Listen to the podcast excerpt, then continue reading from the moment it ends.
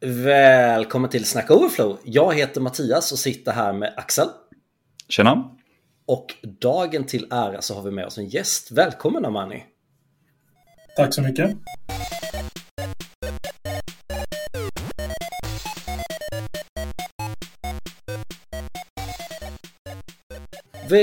Eftersom att du är ny här så är det ju ingen som känner dig. Vill du, vill du presentera dig lite så vi vet vem det är vi pratar med? Eh, ja, jag kan eh, säga att mitt namn är Amani Kilumanga. Eh, jag jobbar som en fullstack-utvecklare, konsult och har kodat i, nu börjar det närma sig tio år. Började med lite så embedded programming. Coolt, typ mikrovågsugnar och sånt eller? Nej, det var, eh, det var routers. Eh, det var IoT-lösningar. så ja, inte så mycket mikrovågor, men... Ehm, eh, Synd.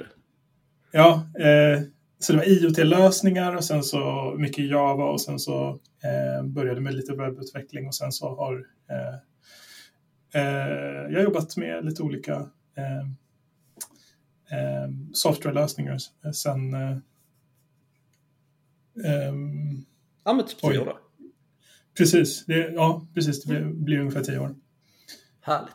Fan, du, du beskriver dig som fullstack alltså. För jag ser ju dig som en backendare som kan skriva den bakre halvan av frontend. Ja, det är alltså om man ska vara helt ärlig eh, så, så har jag inte jobbat lika mycket med frontend som jag jobbat med resten. Eh, och ofta så eh, hamnar jag i roller där det, det är där eh, de behöver mer hjälp.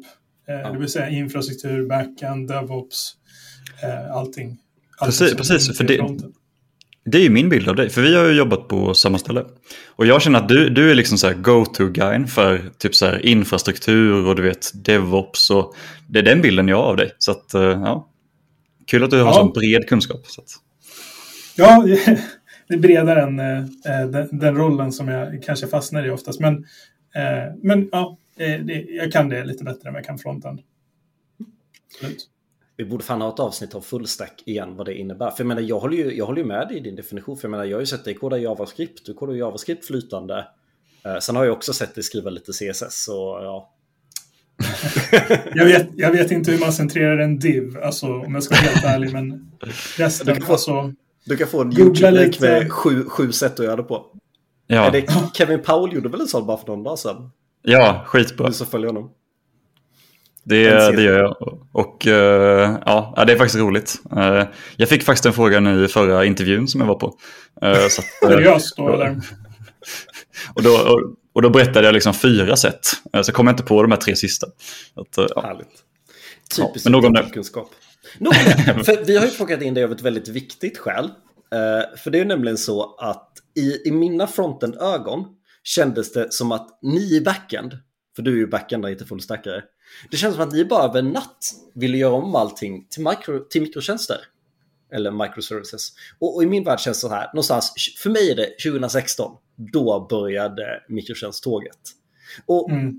jag vill fråga dig Amani, men också Axel, för du är ju backendare i den här tiden ungefär. Liksom, vad, vad hände? Varför blev alla så amazed av mikrotjänster? Liksom, har det, var, blev, var det då man kom på att det var nice eller var det någon teknisk möjlighet som gjorde det? Och, och kanske viktigast av allt, nu när det har liksom blivit en mogen teknik, när är det rätt och fel och förstår vi mikrotjänster nu? Jag tror Så... all, ja, jag kan ju kommentera lite på det, för jag tror att alla som har arbetat med en monolit där det är, eh, där man har gjort fel eller kanske man har byggt någonting som är för stort och för svårt att äh, ändra ja. eh, kommer nog eh, vilja dela upp det, bygga eh, mindre tjänster, mikrotjänster. Eh, så jag tror det är alltid den här eh, viljan att bryta upp saker i mindre delar eh, som är lättare att läsa, lättare att förstå, har alltid funnits. Ja. Samtidigt ska jag också säga att jag började min karriär runt den tiden också, så det, jag har nog alltid varit jag har nog inte riktigt eh, upplevt det här med att liksom allting ändrades, utan det var nog alltid så för mig att eh, monoliter är svåra att jobba med och mikrotjänster är någonting som man skulle vilja byta till för man kunde. Men liksom var det något som hände då eller bara förstod man eller? Liksom, det känns lite som att det går parallellt med, nu fiskar jag, jag gissar. Det känns för mig lite som att det kom parallellt med DevOps. Man utvecklande för bättre kontroll på servrar. Det var lättare att deploya flera små saker. Det kan ja. absolut ha med det att göra. Att, eh, liksom kom, att det hand i hand med eh, en mer modern DevOps-tänk. Eh, utvecklarna fick liksom mer, eh, mer att säga till om kan man säga. Men, men jag, i, i min värld så, eller för jag, jag satt på ett eh, stort bilföretag ja, 2015. Och då var det ju så att de hade problem med alltså monoliter som var legacy-system. Och de är ju extremt jobbiga att deploya och du vet Eh, Eh, att, att bryta ut eller ändra eller liksom göra nytt överhuvudtaget. Eh, och lite därav tycker jag att eh, idén om mikrotjänster kommer. För att bygger man mer mikrotjänster så hade man kunnat byta ut individuella delar istället för att byta ut ett helt system. Så att jag, jag minns att snacket var mycket kring, kring det då. Att det, det, det helt enkelt ska vara svårare att bygga ett legacy-system när tjänsterna är uppdelade i mindre delar. För då kan man byta liksom mindre beståndsdelar istället för att byta till system. Eh, det är väl min erfarenhet i alla fall eh, från den tiden. Jag har lite att ni är inne på faktorer som så här, lättare att lära sig. Och jag tänker, jag tänker fastna hårt i, i analogin och skönt att du drar upp den Axel, för det är min favorit. Pusselbitar. Uh, jag, jag, ser ju verkligen mikrotjänster som ett sätt att göra många små pusselbitar istället för att lägga ett, istället för att rita en hel tavla på en gång. Eh, och ni tar upp faktorer som att då blir respektive pusselbit lättare att lära sig och enklare att deploya och enklare att skapa nya pusselbitar när man ska in i hela systemet. Vad ser ni för, för fördelar med monoliten då? Ja, då behöver du inte lägga pussel alls. Kan man säga. Nej. Eh, pusslet, att, att, lägga pusslet är en liten overhead. Det, precis, det ja. skulle man kunna säga. Men en monolit är också en pusselbit, det var liksom en stor pusselbit som förmodligen då som är del av ett större pussel. Um, men det är liksom ett... Uh, ja, men det är ju samma sak, det är liksom bara på en annan skala. Men mm. en, en, nackdel med att ha uh, de små pusselbitarna då är ju att uh, man introducerar latency mellan pusselbitar. Mm. och här är ju lite ett problem som jag har sett ofta är att Um, när man börjar med mikrotjänster och man tidigare hade en monolit, kanske bryter ut en monolit i mikrotjänster, uh, så gör man misstaget att um, man behåller samma struktur, samma infrastruktur då, men bara att den är uppdelad. Så att de är fortfarande kopplade på samma sätt som de var i monoliten. Så att man liksom, okej, okay, här har vi någon, här har vi liksom, uh, det är här man hittar användare, då bygger man en användartjänst eh, som mm. alla då måste gå och fråga för att, för att hämta användarinformationen. Eh, då är det egentligen samma, samma arkitektur, bara att man introducerar lite latency där i form av liksom ett nätverk. eh, och då har man inte gjort det enklare för sig själv ifall man tänker på hela pusslet. Men den där lilla pusselbiten är i och för sig lättare att förstå. Eh, Men hur menar bara... du att man vill göra istället? Eh, jag tänker att um, alla som vill ha användarinformationen då, ska vi se, uh, ifall man då delar upp det i många pusselbitar då, fastnar i den här pusselbits... ja, men jag tycker den är bra. Den är jävligt härlig. Ja. Okej, okay, vi säger så här, alla pusselbitarna som vill ha användarinformation mm. eh, får då eh, de får äga den datan själva, så man duplicerar den datan istället. Och så, kan alla pussel, så behöver inte pusselbitarna gå och fråga pusselbitstjänsten för eh, eh eller inte pusselbitstjänsten, användartjänsten, använder pusselbiten mm. för att veta eh, vad en användares eh, ID eller eh, e-mailadress är eller vad det nu är man vill, vill hämta. Så man har den informationen i sin egna databas och så frågar man bara sin egna databas. Eh, så att man använder någon sorts typ eventbuss istället. Så att varje gång en användare uppdateras så skickas den informationen ut. Sen så har alla en kopia av den datan eh, i sina egna pusselbitar. Och sen så behöver man inte liksom göra ett nätverkshopp varje gång man ska hämta den informationen. För man, man har den automatiskt eh, tillgänglig från början. Mm. Eh, och sen ifall... Eh, ja. så har man inte en tjänst som man är beroende av och när den slutar funka så kommer alla slu sluta funka för alla har ju sina egna databaser. Ja, precis. Då, blir det, då, då är det problemet att man vågar ändå inte deploya eh, om man, om man inte har den här replikeringen så vågar mm. man ändå inte deploya user-tjänsten. Även om den inte är del av monoliten längre. För att alla är direkt beroende av den. Är det du menar? Mm. Man vill undvika hårda kopplingar mellan pusselbitarna. Jag... Bättre att göra en mjuk koppling. Ja, exakt. Eh, jo, nu blir det lite lättare att förstå ifall man pratar eh, om pusselbitar än eh, monoliter och mikrotjänster. Men... ja, eh, en, en sak jag alltid tänkt på, eh, och det här skalar ju såklart med liksom storleken på system. Eh, det är ju såklart lättare att lära sig en pusselbit, men en pusselbit i sig är ju ibland lite svårt att göra nytta. Ibland känns det som att om jag, och nu återigen har jag ju mina frontenglasögon på mig, om jag vill förstå hur en del av systemet fungerar, för att jag vill lösa en del för kunden så behöver jag ibland hoppa runt i flera tjänster. Så, så med mina glasögon på är det nästan jobbigare för mig att jobba mot mikrotjänster för det är så många repon jag måste läsa på och förstå en liten bit av tre olika pusselbitar för att förstå hur mitt problem hänger ihop. Ja, mm. ja men det i mitt eh, förra, förra uppdrag så hade vi ju, vårt team hade ju fem, 16 repos tror jag. Mm. Eh, som vi liksom aktivt uh, använde. Ditt team? Mitt team, ja, mitt team av åtta personer. Hade, mm. Jag tror vi hade 16 repos. Kanske mm. till och med fler.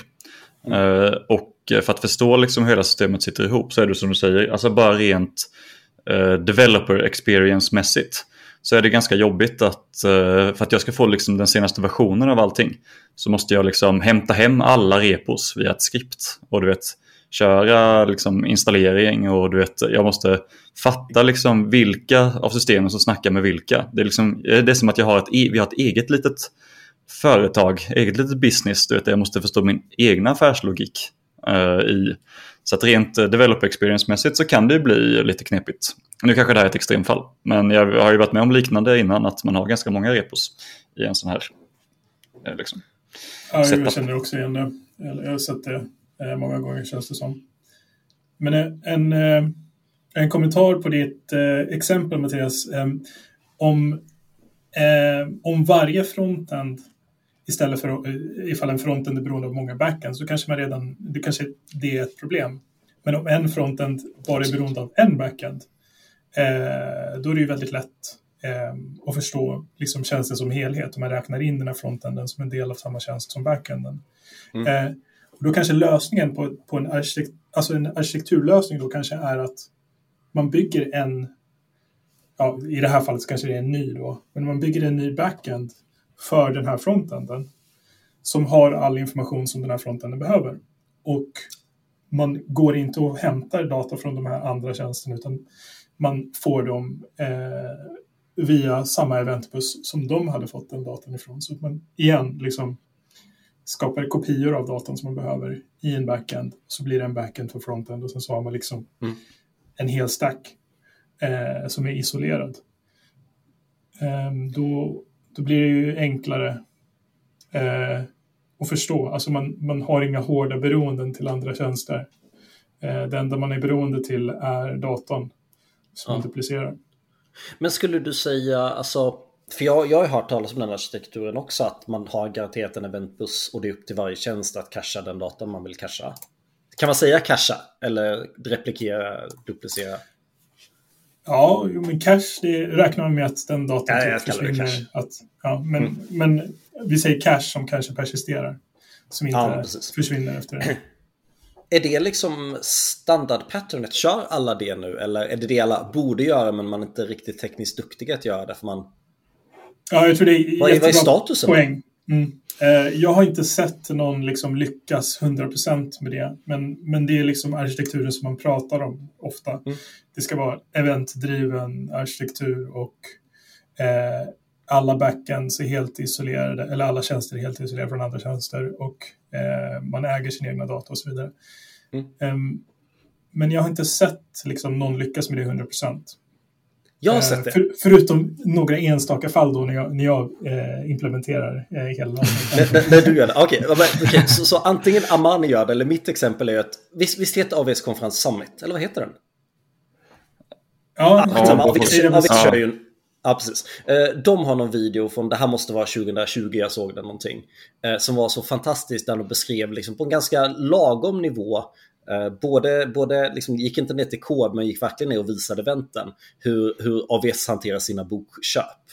Nej förlåt, så, så eh, inte AVS utan Amazon, hur Amazon har sin eventbuss. Hur en order går in och hur det eventet kommer upp och snappas upp både av shipping och invoice som är helt oberoende av varandra då. Mm. Och det här får mig osökt att komma till min, min följdfråga då. För min upplevelse är att jag har aldrig sett en mikrotjänst som har känts för stor. Däremot har jag nästan alltid sett mikrotjänster som känns för små. Axels exempel 16 tjänster på 8 team. Yep. Uh, hur, hur gör man en lagom stor pusselbit? För, för, så här, det jag är inne på, jag tycker ofta det känns som att nu med, med alla agila revolutioner vi har så känns det ofta som att en en, en makroenhet av folk är, är ungefär så här 5 till 10 team. Eh, typ safe-modeller om man ska säga. Eh, så det känns som att förutom att teamet ofta är 3 till 8 utvecklare så grupperas flera team tillsammans så man ofta är ja, men någonstans 20 till kanske upp till 70 utvecklare. Varav hälften är backend. Så, så låt oss säga, vi har 30 backendare. Alltså jag kan vara så här, hur många ja, för mig är det inte självklart att man ens ska ha mikrotjänster eller att de här 30 delar på en mikrotjänst typ. Och, och det är när de här 30 behöver prata med andra organisationer som man behöver en mikrotjänst. Tillbaka till, till Amazon-exemplet. Eh, eh, online är en de har en mikrotjänst på 30 utvecklare och så skickar de ett order är klart-eventet som 30 pers invoice-teamet plockar upp via eventbussen och har en mikrotjänst. Ah, ni, ni förstår vad jag är ute efter. Mm. Är, är, det, är det självklart att en sån här enhet av 30 backendare eller fullstackare ska ha massa mikrotjänster? Är det självklart? Nej, det skulle jag inte säga. Vad tycker du Axel? Nej, jag tycker inte heller det. För i verkligheten känns det som att det är självklart att det är klart att vi ska ha mikrotjänster annars får vi inga utvecklare att komma till oss. Ja. Ingen arkitekt mm. kan ju inte säga att man inte borde ha det. Jag, jag tror att eh, liksom man, eh, man måste anpassa sig, eller det är lite Conways law, att eh, strukturen på organisationen, eh, eller systemet man bygger kommer på något sätt reflektera eh, strukturen av organisationen som man, som man är en del av. Och egentligen så borde man, eller ifall man vill bygga den bästa arkitekturen så måste man egentligen börja med organisationen eh, och liksom hur ser teamen ut och hur de är organiserade och varför de är organiserade som de är. Och liksom, kommer det här leda till den perfekta arkitekturen? Oftast nej, och då sitter man fast i en organisation i ett team som ser ut som det gör. Och då måste man välja liksom, vad, vad är det bästa vi kan göra? Och då är det oftast, okej okay, men vi bygger någonting som är så, så, isolerat som möjligt, som vi har så mycket kontroll över som möjligt. Mm. Eh, och då blir det typ, ja det blir en mikrotjänst oftast. Ehm, Precis. Eller, det här, eh, I det här stora bilföretaget jag satt på innan så hade vi ju, byggde vi mikrotjänster. Men där var ju problemet som du beskrev här man innan att eh, liksom själva företaget har dålig uppdelning av teamen och vad, de liksom, vad deras domän är. Eh, de liksom gick in lite på varandra. Till exempel, låt oss säga att ett team sysslade inte bara med reservdelar för bilar utan de kanske sysslade med reservdelar för SUVar till exempel. Medan ett annat team sysslade med reservdelar för andra typer av bilar. Och de pratar lite med samma databas och hämtar lite samma information men du vet, plockar bort delar av informationen. Så de bygger typ samma API, samma små mikrotjänster. Men de vet inte riktigt om att de gör det. Och det här är liksom för att företaget i sig kanske har dålig koll på den här uppdelningen av domäner. Och har man den dålig koll på det, då blir mikrotjänsterna och teamen, det blir komplicerat och man bygger för små kanske och för många och, och de bitarna. Jag vet inte hur jag ska förklara det på ett enkelt sätt, men, men, men det var i alla fall ett jätteproblem som vi hade. Att vi inte visste vilka mikrotjänster vi hade duplicerade mikrotjänster helt enkelt för att företaget i sig hade dålig koll på vad, vilken domän som tillhör vilket team. Men nu när um, du har fem år med erfarenhet innanför pannbenet, uh, vad, vad, skulle du, om du skulle komma tillbaka till samma problem, vad skulle vara din rekommendation? Du, ta, ta inte hänsyn till, du, du får säga gör en stor omorganisation på hela IT. Uh, eh, det, du behöver, det behöver inte vara rimligt att göra det, men vad, vad hade du gjort om, vad är den utopiska lösningen? Den, den, den, bättre lösningen här är ju att man på något sätt eh, skaffar liksom kontroll av vilka mikrotjänster som finns. Eh, mm. på, genom att eh, man måste till exempel registrera dem. Jag vet att eh, Azure så har man sett att sätta upp eh, liksom, någon typ av eh, gate som man, kan, som man kan registrera mikrotjänster i. och genom att göra detta och att alla teamen måste göra detta när de bygger så får man och ha bra dokumentation vad som finns så skapar man upp liksom ett, eh, en, en visuell bild av vad, vad som finns och eh, vad man kan använda sig av så att inte man råkar bygga dubbelt. Det var väl egentligen det man gjorde för sent då. Och det, när man började sätta upp detta så upptäckte man att eh, det fanns duplicering av tjänster och det fanns liksom att, att, att teamen inte själva visste riktigt vilken domän de, de hade rätt till att använda eller som de skulle helt enkelt eh, jobba med. Ehm, så att göra det i ett tidigt stadie tror jag är ganska bra för att få kontroll över detta och att inte det spinner iväg och att teamen är för självgående. Eh, så något liksom arkitektuellt övergrepp, eller inte övergrepp, jag menar övergripande liksom. övergripande um, helhetsbild. helhetsbild på det hela. En karta. Men det skulle också kunna vara ett övergrepp på många sätt. men alltså, men, men tillbaka till Conways låda. Borde inte reservdelar vara, det här jag beskrev då att, att ett par team hänger ihop. Borde inte reservdelar vara en sån grunka med ett par team som hänger ihop? Och de borde ju per definition prata med varandra. Så det finns, ja. det finns team reservdel SUVA och reserv, reservdel kombis. Men de sitter i samma enhet. Safe-tåg eller vad du vill. Och ja. de pratar med varandra. Eller är det, är det, blir de för stora? Blir det för stort också? I det här exemplet. Eh, ja, nu, nu vet jag inte exakt hur arkitekturen ser ut, men det låter lite som att det här kanske är lite för stort. Um, eller för, för, att reservdelar, det låter liksom så här, det här är en liten grej. Ska verkligen många team vara inblandade och bygga den här grejen eller kan det bara vara ett team? Eller liksom, mm. kan, man, kan man isolera det, bryta ut det och sen ha det som en tjänst istället? Och då är det ju bara ett team som behöver vara bakom det. Eh, ja, precis. Ja, ja, exakt. Det var, det var svårt för att uh, alla de här tjänsterna pratade med legacy-system också. Och legacy-systemen hade en uh, legacy-databas där allting fanns. Uh, så det var liksom, ja, det var väldigt komplicerat alltihop, uh, tyvärr. Så man höll på med någon typ av, man försökte strypa den gamla monoliten med någon typ av strangle pattern.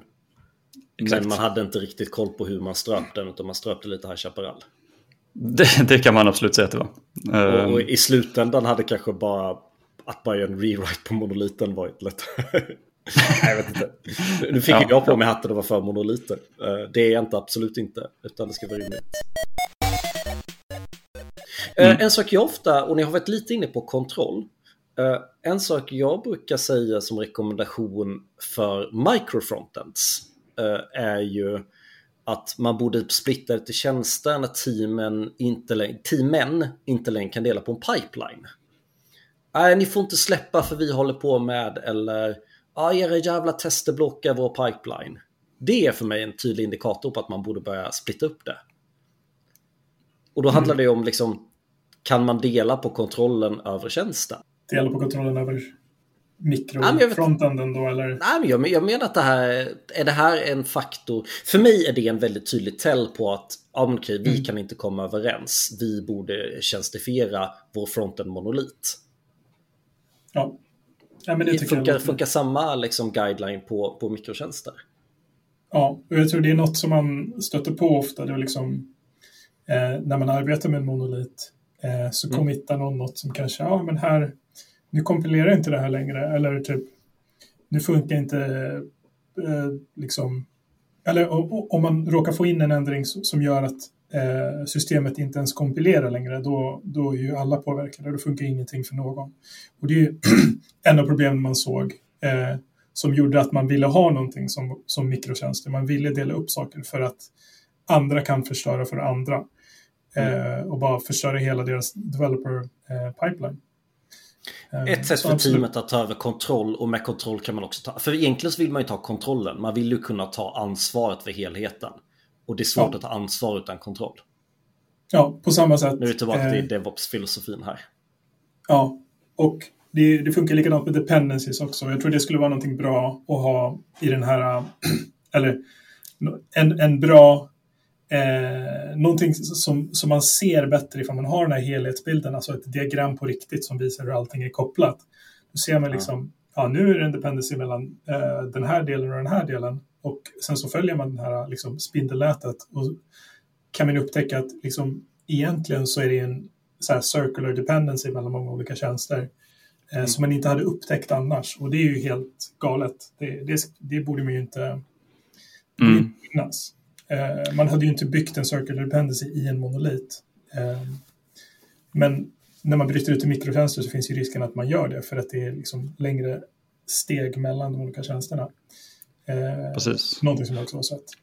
Eh, så, så skulle ni nästan säga att liksom en, om man börjar få ett tjänstekluster som överstiger så 30 tjänster, eller jag, jag, gillar att kvantifiera saker. Det, det, känns som att man ska ha den här kartan. Då hade man ju i Axels exempel upptäckt att BFFen pratar med, eller så här, tre stycken BFFs pratar med samma backend. Fast det går till samma klient i slutändan. Då hade man sagt mm. en till tre till en. Ska det verkligen vara tre i det här mittenlagret då?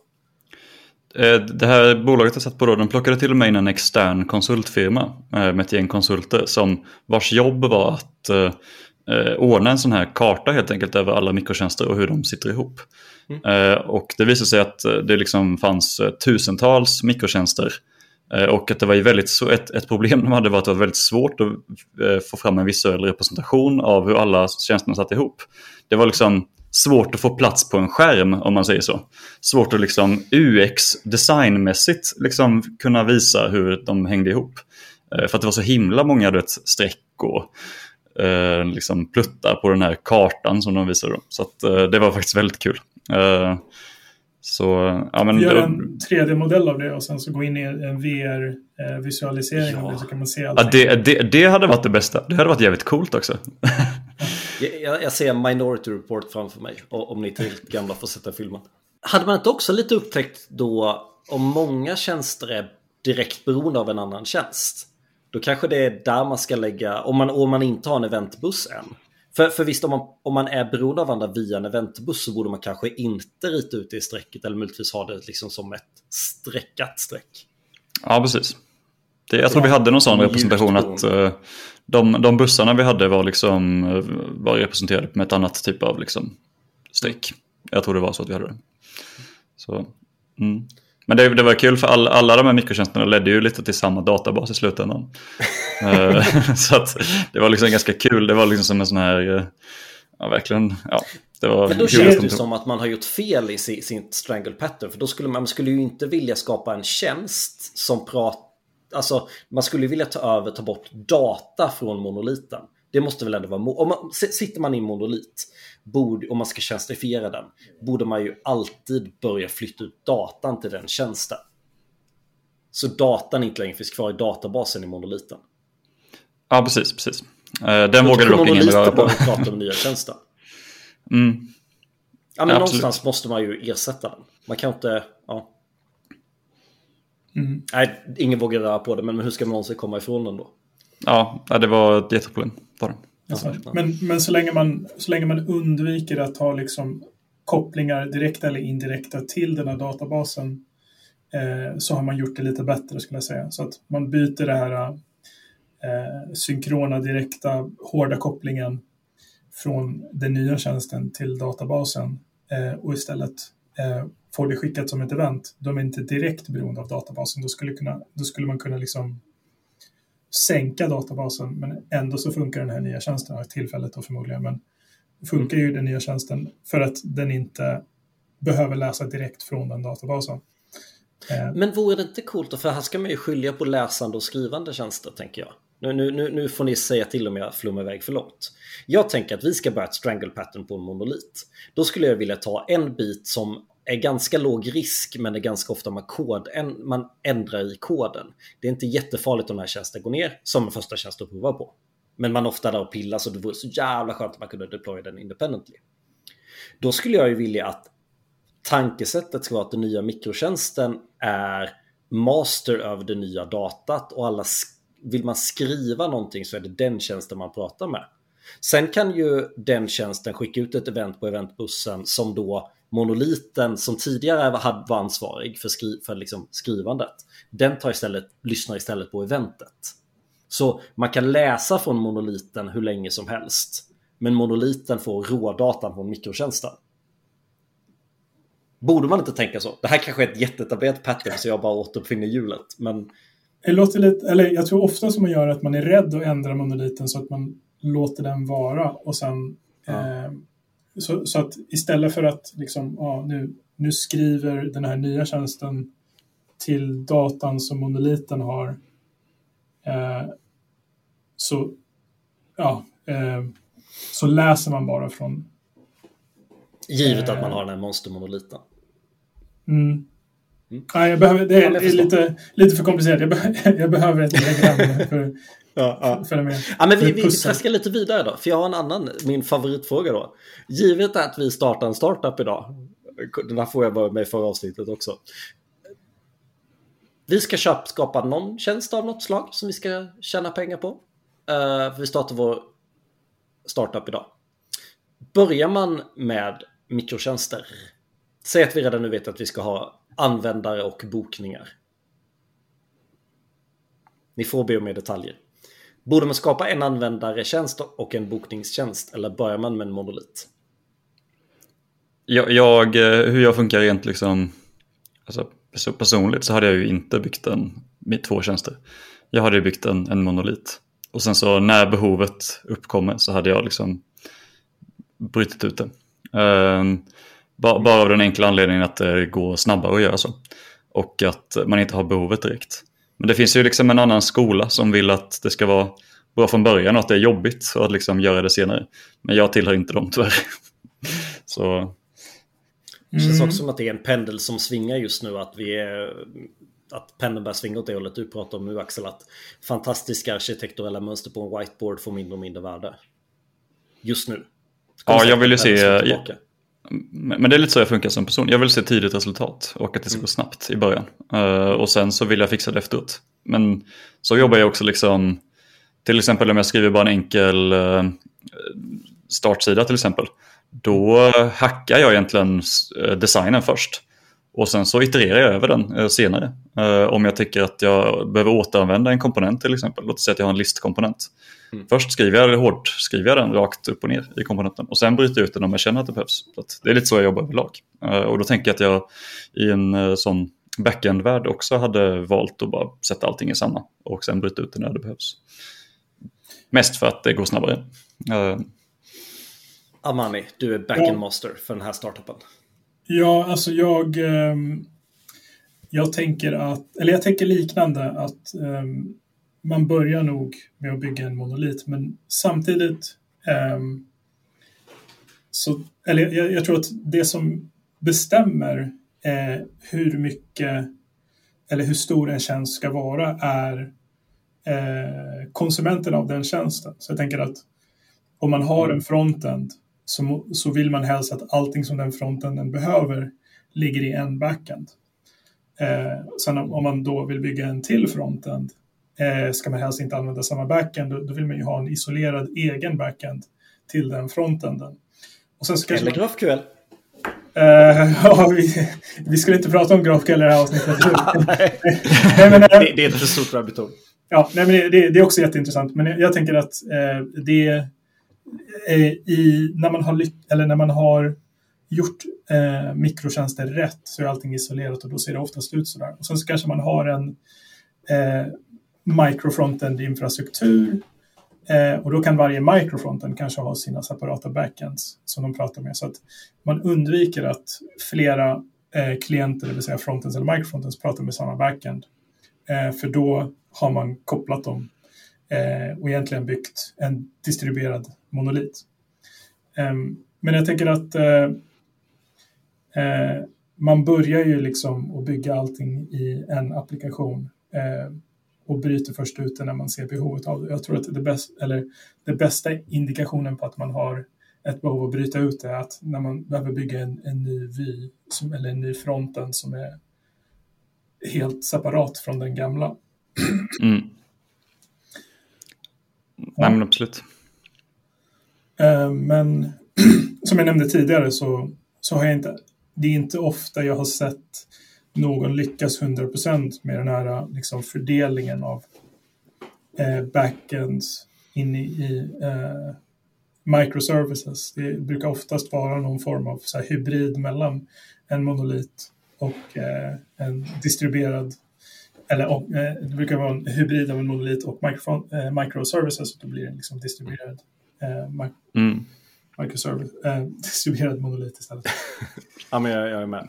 Min, erfarenhet är ju lite som du sa det i början Mattias, att mikrotjänsterna är oftast för små. Att jag vill ha större mikrotjänster.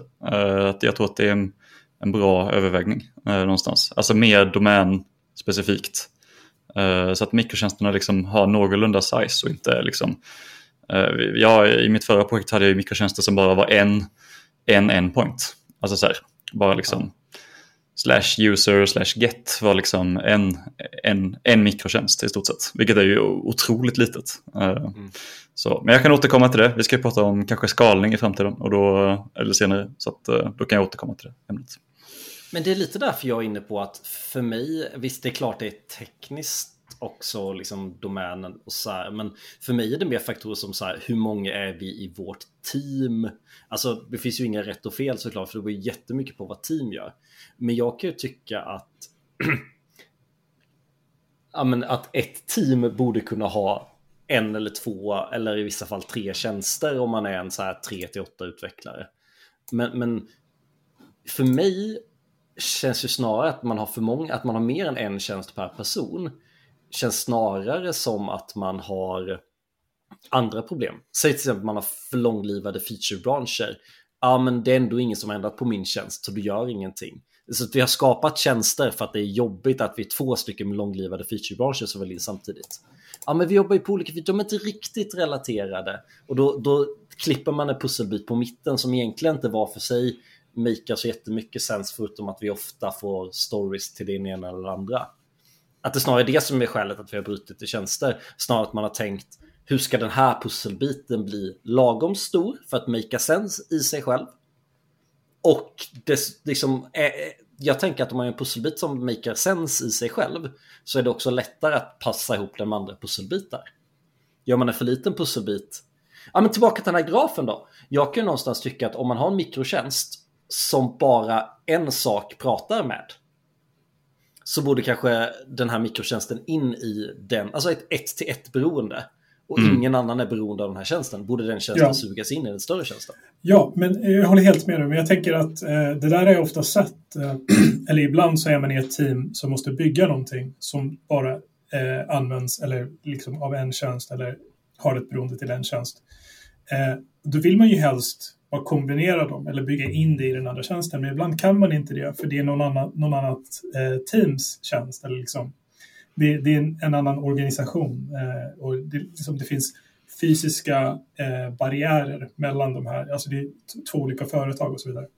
Ehm, ja, mm, så ibland såklart. måste man bygga någonting sånt som blir lite för litet. Och det ser inte bra ut i helheten. Liksom, det är en för liten pusselbit men uh, ja, det är... Igen, det kommer det kan vara saker som att det...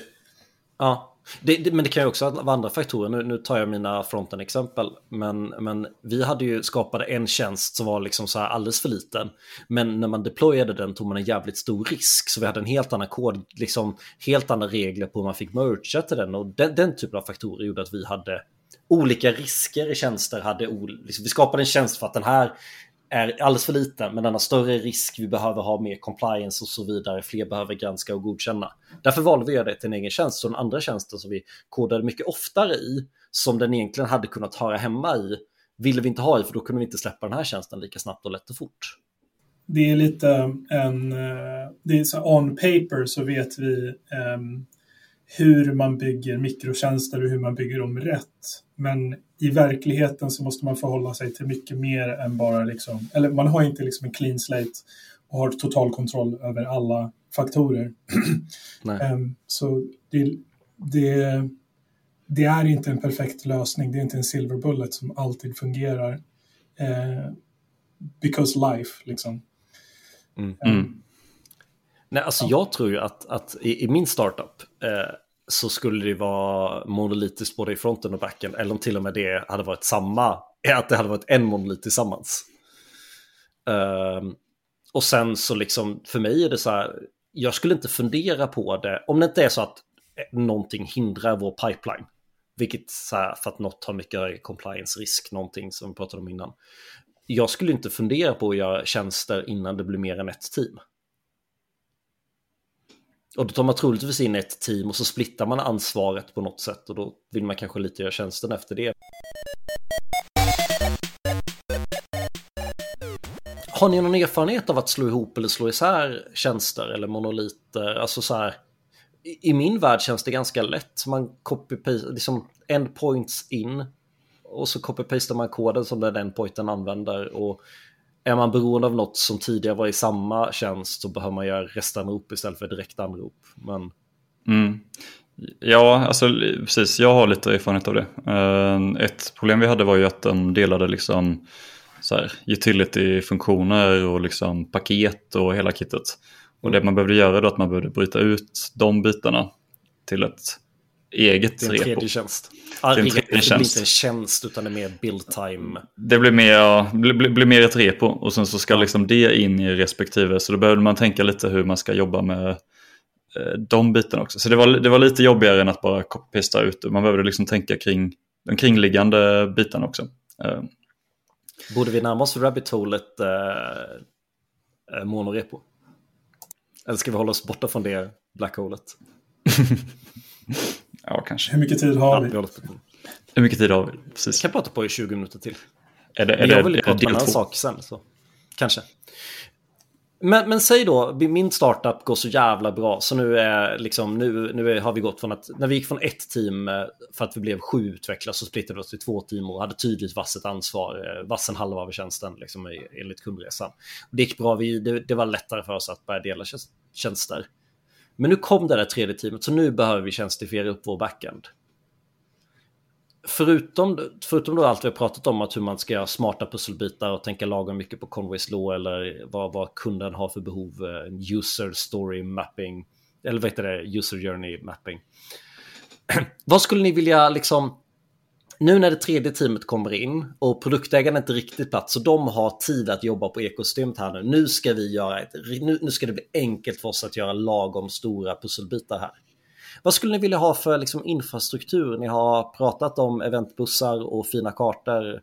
Jag har skrivit upp min fusklapp saker som infrastructure as code och swaggers och, och back and for frontends.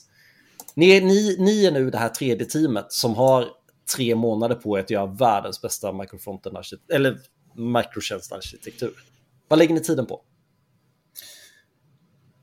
Um, måste, eller jag tänker, du nämnde swaggers där. Jag tänkte att swaggers är lite uh, en röd flagga ibland uh, för mig. Mm. För man vill ju inte, eller Swagger är någonting man bygger för att eh, man ska ex exponera en API som någon, annan då anropar. Om man själv anropar mm.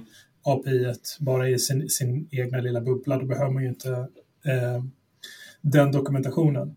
Eh, och där bygger man ju en synkronkoppling. Eh, så det är liksom, då har man en hård dependency. Eh, och ibland måste man göra så för att man kanske, man, man kanske bygger ett API som andra ska bygga tjänster eh, med.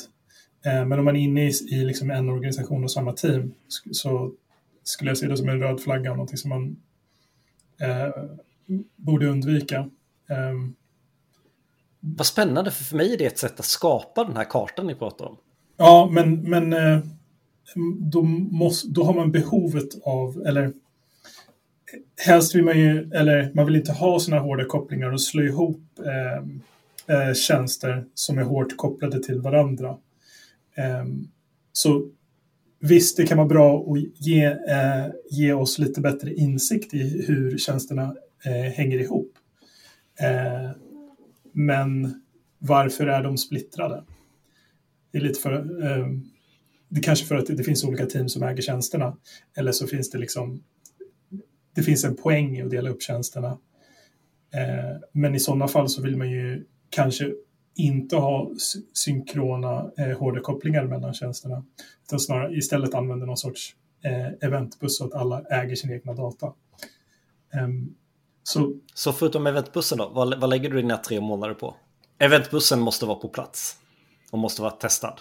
Ja, men ska man bygga om, ska man bygga om hela eh, systemet då? Eller, eller får man bygga om hela arkitekturen? Och... Ja, bestäm du. Du. Du har scenariot då att, vi, att det är, det, det, du blir det tredje teamet och man kan ju lätt förutse att vi inom något år kommer vara sju eller sjutton team. Bara för att? Nej, men nu har du möjligheten att sätta... Nu, nu vet vi att den här tjänsten flyger. Vi skalar upp lagom fort för liksom kunderna, kunderna och pengarna kommer in linjärt. Så teamen, vi vill, eller exponentiellt kanske, men vi vill att teamen ska växa sakta och linjärt. Så vi vet att vi kommer behöva skala den här arkitekturen. Idag är det en monolit. Hur, vad skulle du lägga pengarna på? Vilken infrastruktur skulle du bygga? Eller möj, så möjligheter att tjänstifiera? Förstår ni frågan? Jag skulle lägga till... Ja, ja, men det, alltså, det, jag tror man måste... Eller... Man får... Jag tror man måste börja resan från eh, användarupplevelsen och liksom, man måste gå från det perspektivet. Så lägg pengarna på, på det först och främst och se, se vad är det för olika liksom, distinkta tjänster så vi. Så vi, ja, pusselbitar som vi måste bygga Eh, för att det behövs för att skapa en användarresa, eh, en user mm. experience. Eh, sen kan man dela upp teamen baserat på det. Ehm, och då, ehm, då kanske inte de teamen hänger ihop ehm, så jättemycket. Men där de måste göra det eh, så kanske man börjar med att försöka göra någon sorts eventdriven infrastruktur ehm, och sen inte ha så mycket liksom, eh, REST-API-kopplingar mellan, mellan tjänster. Um, Fort etablera mönstret att tjänst till tjänst borde inte prata REST utan borde prata eventbuss. Ja, för det... Och man borde se till att arkitekt, eller så här, när man skapar tjänster borde man verkligen ha som en del i processen att hur gör vi den här tjänsten så oberoende så vi inte behöver prata med varandra i realtid. Ja, och det är ju alltså om man bara bygger en tjänst och eh, inte ska bygga hela, hela systemet då, eh, så är det mm. den enklaste lösningen oftast. Att man bara bygger något som är så isolerat som möjligt. Eh, mm. Så det är något som man ska försöka sträva efter. Eh, man måste ha infrastrukturlösningar för att kunna göra det eh, möjligt. Och sen ska man också undvika att introducera för många eh, tjänst till tjänst, API-kopplingar, API-anrop. Um, ehm, Ja, men det är... Den här typen av common-repo som Axel pratade om då, vill man sätta den direkt så alla skriver eh, tjänster på liknande sätt och använder samma utilities och sådär? Eller låter man det växa fram också? Det skulle jag säga att man låter växa fram. För um, ja. lite som man, som man kan göra med microfronten så kan man ju också ha uh, olika tech stacks i sina backends, uh, mm. sina mm. mikrotjänster. Så ja. de kanske inte kan använda samma uh, utilities. Ehm, mm. För att en är byggd i Java och en är byggd i .NET. Liksom. Det vi gjorde var att vi, ehm, vi satsade på det som verkligen behövde användas av allihopa. Det bröt vi loss först. Till exempel då så hade vi liksom brutit loss en HTTP-klient som förenklar liksom autentiseringsflödet för det var ganska komplicerat. För det behövdes användas av alla tjänster. Eh, så till exempel om man, kall, om man anropade våra tjänster, de här mikrotjänsterna, då behövdes liksom, eh, det kollas upp så att det var rätt token, det behövde liksom göras hela den eh, raddan. Och det att liksom... man plockar ut metadata ur anropet in i tjänsten. Ja, exakt, precis. Eh, och eh, så ska det göras liksom en, en, det ska ett uppslag, man ska skicka liksom tokenen ska skickas till en introspection endpoint, vet, hela kittet. Och det här var ganska mäckigt att göra liksom för varje tjänst. Eh, så att den biten gjorde vi liksom flyttade direkt för att då slapp vi liksom det. Och det andra liksom flyttade vi över när vi kände att det behövdes. Ett tag så låg det ju ganska mycket utility-klasser, alltså dupliceringar i varje tjänst. Som vi senare märkte att så här, ja, men nu används det av fem repos, då flyttar vi ut det. Så det gjordes liksom successivt. Så vi tog det som var viktigast först och sen flyttade vi andra successivt över. Mm. Vilket jag tyckte var ganska bra. Amani, du sa något ord som, som jag triggade på, men som vi, det inte passade att avbryta då. Distribuerad monolit. Definiera ja. det. Nej, men jag tänker att eh, om man, eh, om man, eh, eller det jag har sett eh, oftast där distribuerade monoliter kommer ifrån, det är att man eh, har en monolit, har byggt en monolit eh, och sen så har man lärt sig om mikrotjänster och så har man bestämt sig för att ja, men vi bryter ut det här i mikrotjänster. Eh, eller vi bygger mikrotjänster eh, från och med eh, idag. För det är mycket lättare att deploya, felsöka, ehm, testa eh, och så mm. vidare. Och förstå. Eh, men så har man fort, fortfarande hårda kopplingar till monoliten eller monolitens eh, databas eller vad det nu är. Ehm, mm eller, eller kän, en tjänst som monoliten exponerar. Så att man delar upp det lite så här, alltså man, i logiska tjänster. Lite eh, backend for frontends nästan låter det som. Uh, alltså att det är den typen av tjänster man skapar. Nej, nej, men, nej jag tänker inte på backends for frontends. Um, nej.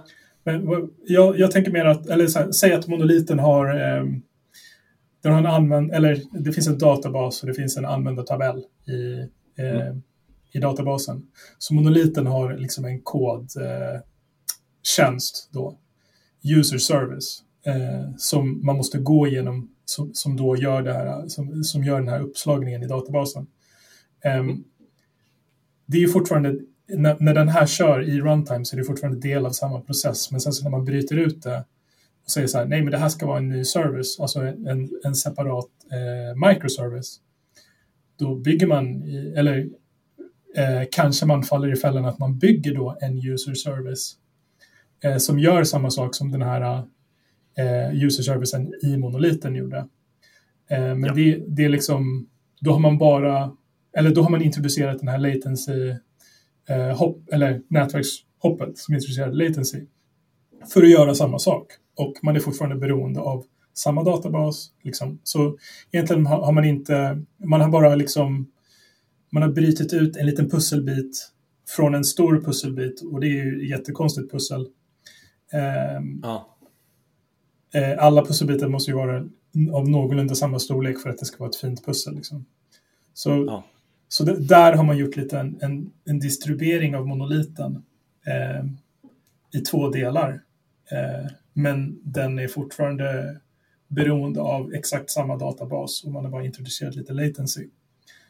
Men... Och i slutändan har du 30 bitars pussel med eh, en gigantisk pusselbit i mitten med 29 små pusselbitar som sitter på varsin sida om den. Och Exakt. egentligen så är det samma kod, bara att det ligger olika repon. Fördelarna är att man kan släppa de här små pusselbitarna lättare. Men det är nackdel för man måste ändå prata. Det är en latency-nackdel. Mm. Kan, kan, kan inte det vara ett steg på vägen då? Att man får mycket av vinsten, att man vågar deploya sin sån kod. Det blir lite sämre för kunden men inte tillräckligt mycket för att det ska vara ett problem. Ja, 30 det... ms till är ingen fara.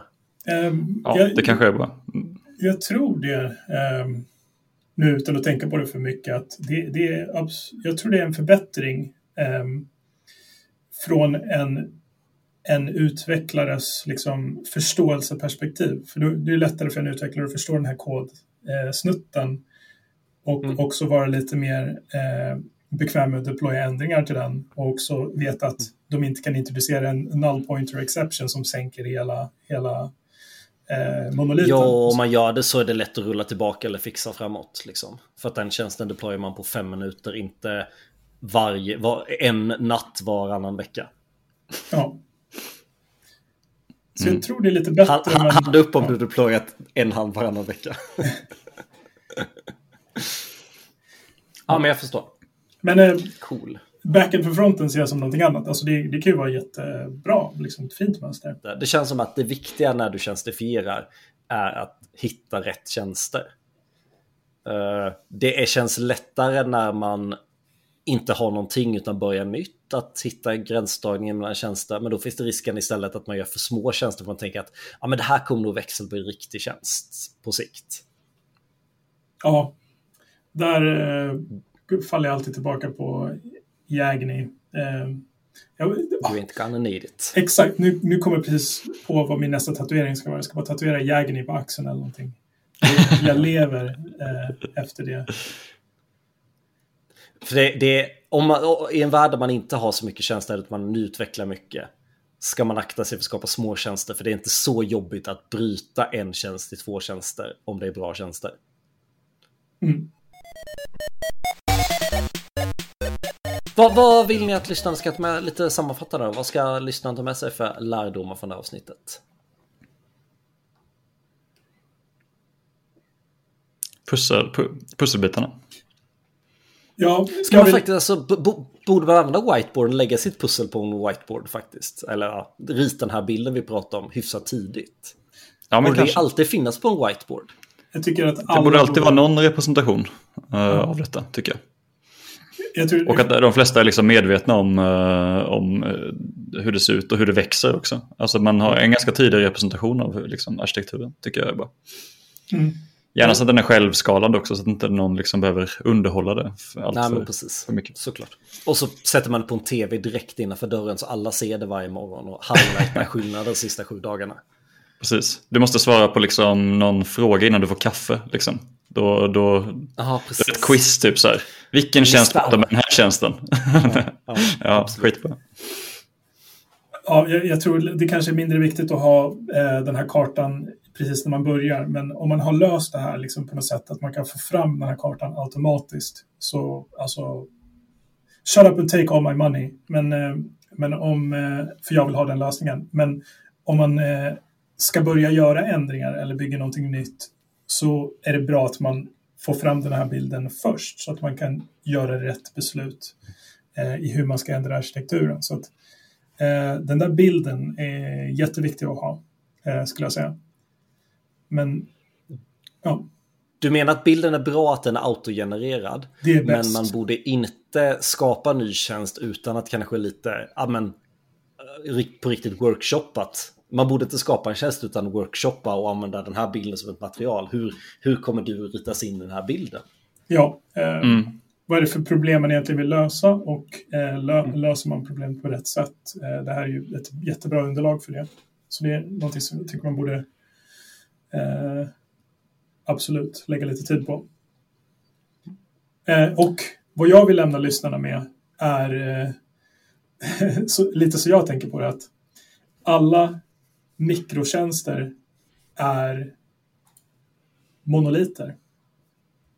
Bara lite mindre. Det är först när de blir lite för svåra liksom att göra ändringar i som, man, som, som det är liksom någonting dåligt. Det är bara samma sak på mm. olika skala. Skulle jag säga. Mm. Om man gör rätt. Absolut. jag vet, jag är inte fel. Jo, yes. fan jag vill ha en sista sak. Axel, ni, ni, var, ni hade 16 tjänster på 8 utvecklare. Hur många mm. tjänster borde det ha varit nu när du är EF-vis? Åtta. Åtta stycken. Ja. Men, men, en liten snabb, jag vet att vi ska runda av men en liten snabb uh, anekdot är att en av tjänsterna, vi använder Kubernetes. För att vi behövde, vår tjänst var liksom under, um, hur ska man säga, den behövde skala ganska ordentligt.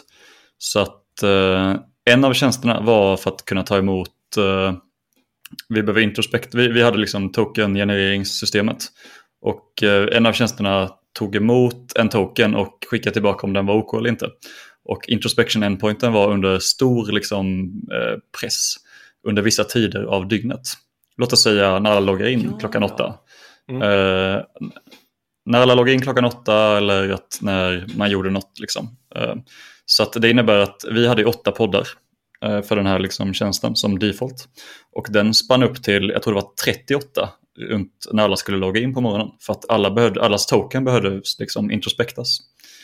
Eh, och då var det ganska skönt att eh, den tjänsten var liksom en superliten tjänst som bara fanns i en liten, liten mikrotjänst som man skulle kunna skala upp på ett annat sätt.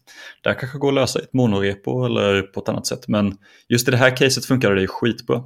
Så det var en anledning till varför vi hade sådana små tjänster, för att vissa behövde skalas så otroligt mycket för att de var liksom, användes av, jag skulle nästan vilja säga en miljontals människor. Kostar det att skala upp en sån då om, eh, Om den är större? Det kanske Amani har eh, bättre koll på. Eh, jag vet inte kostnadsmässigt om det blir dyrare skala liksom jag, jag, en större jag, tjänst. Tänker, hade, det varit en, hade det varit en monolit som hade skalat från, ja då kanske var lite större än 8 utan defaulten hade varit 12. Men, mm. ja. Jag tror Bra det. fråga. Uh, jag tror också det. Ja, men jag vet liksom inte, jag vet inga, inga, inga siffror sådär. Utan, men jag misstänker att det är ganska... Ja, jo, för, för eh, om man, jag kommer inte ihåg om det är horisontellt eller vertikalt, men om man skalar så att man har fler processer, eh, då kommer varenda enstaka process eh, kräva mer, mer eh, minne, då, RAM-minne kanske, CPU och all, alla de där, liksom, när man kommer in i högre tiers, så betalar man oftast mer för, eh, de, eh, för varje instans eh, än ifall det hade varit en lägre tier av minne och CPU. Mm. Ja. Som varje enstaka process kostar min, äh, kräver mindre så kostar det mindre och det är också bättre för miljön. Just det. Nice. Den är en bra faktor. Uh, många små poddar. Yes. Toppen, men uh, då kan vi det här då. Nu vet jag precis vad jag ska göra när jag ska byta till mikrotjänst och inte. Ni har gett mig sanningen. Då är det dags för det viktigaste med hela veckan. Veckans tips. Axel ser sugen ut att börja. Jag skickar över bollen till Amani. Ja, oh, okej. Okay. Um, ehm, mm. Ja, men jag är, jag är förberedd. Jag har ett uh, tips, någonting som uh, överraskade mig ganska mycket uh, nu på senaste tiden. Jag, är inte, jag har inte kommit igång med AI-assistenter och chattbottar eh, så mycket som andra kanske har. Men, men en kollega delade ju en keynote från GitHub eh, som jag tror det är deras senaste idag, eh, just idag. Och de pratar om eh, någonting som heter Copilot Workspaces som låter helt magiskt. Eh, de visar en liten demo av det, eller lite, lite hur det ska fungera. Eh, och det ser ut som att man ska kunna typ gå in i ett repo eh, på GitHub, skapa en issue, skriva ner liksom vad, vad det är man vill se för ändring och så kommer det upp förslag. Eller liksom problemet löses automatiskt in i den kodbasen för att den har så bra koll på liksom hur koden fungerar så att den liksom man behöver bara skriva ner vad man vill lösa och sen så löser den problemen automatiskt på något sätt. Eh, för att den förstår kodbasen mm. så bra. Eh, det alltså, här... Alltså någon lägger, någon lägger upp en bra GitHub-issue ja. och Copilot skriver koden så teamet behöver i princip bara mercha det. Exakt. Eh, och det ju, låter ju alltså både magiskt och också lite så här första gången man känner så här, oj, det här, kommer det här ersätta oss? men, mm. eh, men det är en rekommendation, kolla den eh, keynoten, kolla Copilot Workspace, det ser skitcoolt ut. Men det är väl lite därför man, man hänger med just nu, för att den kommer ersätta jag kommer bara två tips den här veckan då. För mitt första tips är ju faktiskt att hänga med eh, lagom mycket. Man behöver inte gå in i varenda trend i AI. Men, men folk kommer ju bli ersatta. Alternativt att våra kunder får ut mer nytta. Eh, det är väl två sidor av samma mynt. Eh, men att hänga med så du kan vara den som rådgör. För det är fortfarande att någon måste vara med och approva det här. Man behöver inte utan människor. Så häng på AI-trenden för att vara den som får ha kvar ditt jobb. Sen tänker jag ta mitt andra tips, för jag är ju verkligen, det, det, ni som har lyssnat på podden vet ju om och lyssnat på tidigare avsnitt att jag älskar ju low no code trenden. Eh, mycket för att jag tycker att den hänger ihop med AI-trenden att liksom eh, AI kommer göra mycket av kodandet. En av grejerna som AI inte kommer kunna göra eller som en människohand kommer behöva lägga sin hand på ett tag till i fall. Det är ju framtagandet av gränssnitt. Därför letar jag ju efter low-code-verktyg som är bra. Det senaste jag hittat nu heter Teleport HQ. USPen med den, tänk er att ja, men, någon designer har, har skissat något i Figma.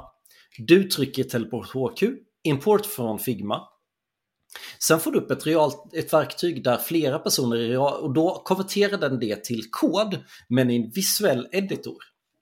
Så då kan ni sitta flera stycken produktägare, tekniska människor, putsa, drag and droppa, för att skapa fram utseendet. Du kopplar det till ditt designsystem så du drag and droppar in dina knappar. Och den här mobbsessionen där alla sitter i något Miro-liknande, liksom, när ni har dragit in verktyget så trycker ni på knappen Export to Code. Och då får du ut exakt det här som kod. Är det bra kod uh, Jag tror att... Uh, alltså jag menar liksom... Den är, det måste ju se läsbart ut och så. Det är inte så här autogenererad, så här minified eh, kod. Based on tre exempel som jag har gjort så är koden inte tillräckligt bra för att vara det du vill lägga in i ditt kodrepo. Men det är tillräckligt bra att utgå från. Och då klipper du tyvärr den här, då kan du inte gå tillbaka till den här sidan och uppdatera den för du har ju brutit kopplingen. Där är de inte riktigt än. Jag tror att de ganska snart är där. Så jag tror vi bara kommer vara putsa på, på kod. Liksom någon, någon, antingen en människa har genererat design eller en AI har genererat kod och så sitter vi och putsar på den.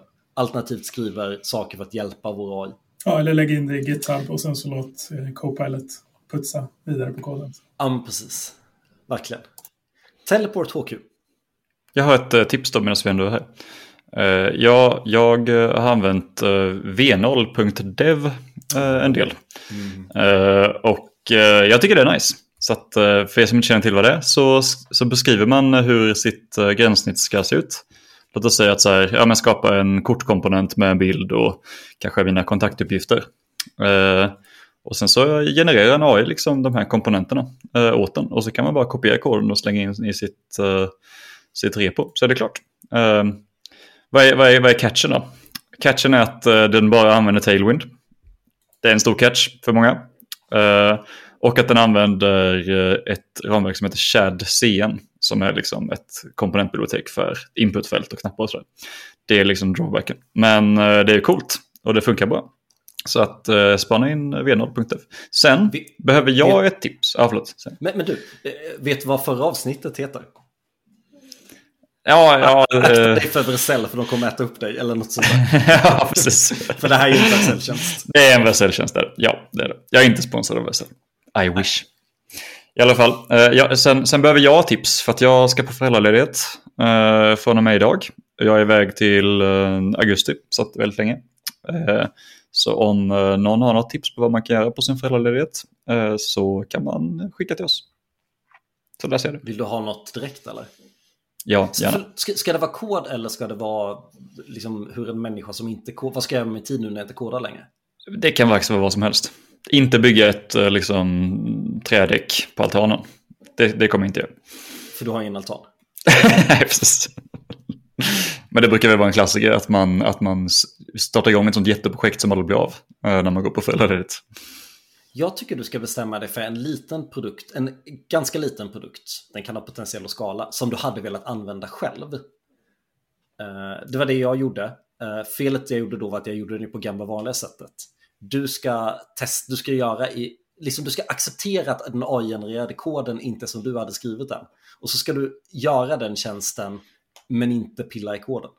Så, så lite som bara möjligt. Hur ja, kan spännande. du göra en tjänst som du vill använda som blir kod men du har inte kodat koden? Fan spännande, jag kommer bli galen. Men, uh, jag kommer bli galen, men det kanske man ändå blir under föräldraledigheten. För, för V0 som du tipsar om, den har väl bara hårdkodade props. Så du måste någonstans fylla den med props. Så du måste koppla det till en backend. Men det går säkert att göra med någon AI-generering också. Det är säkert, absolut. Ja, men bara, jag ska använda AI-verktyg. Det, det låter bra. Ja, det var allt. Topp! Tack så mycket alla som lyssnade. Tack så mycket Amani för att du gästade. Kul att ha dig här. Det är inte sista gången hör jag. Kul. Tack själv. Det varit jättetrevligt. Toppen. Ha det bra allihopa. Ha en fortsatt trevlig tisdag. Ha det bra. Hej! Hej!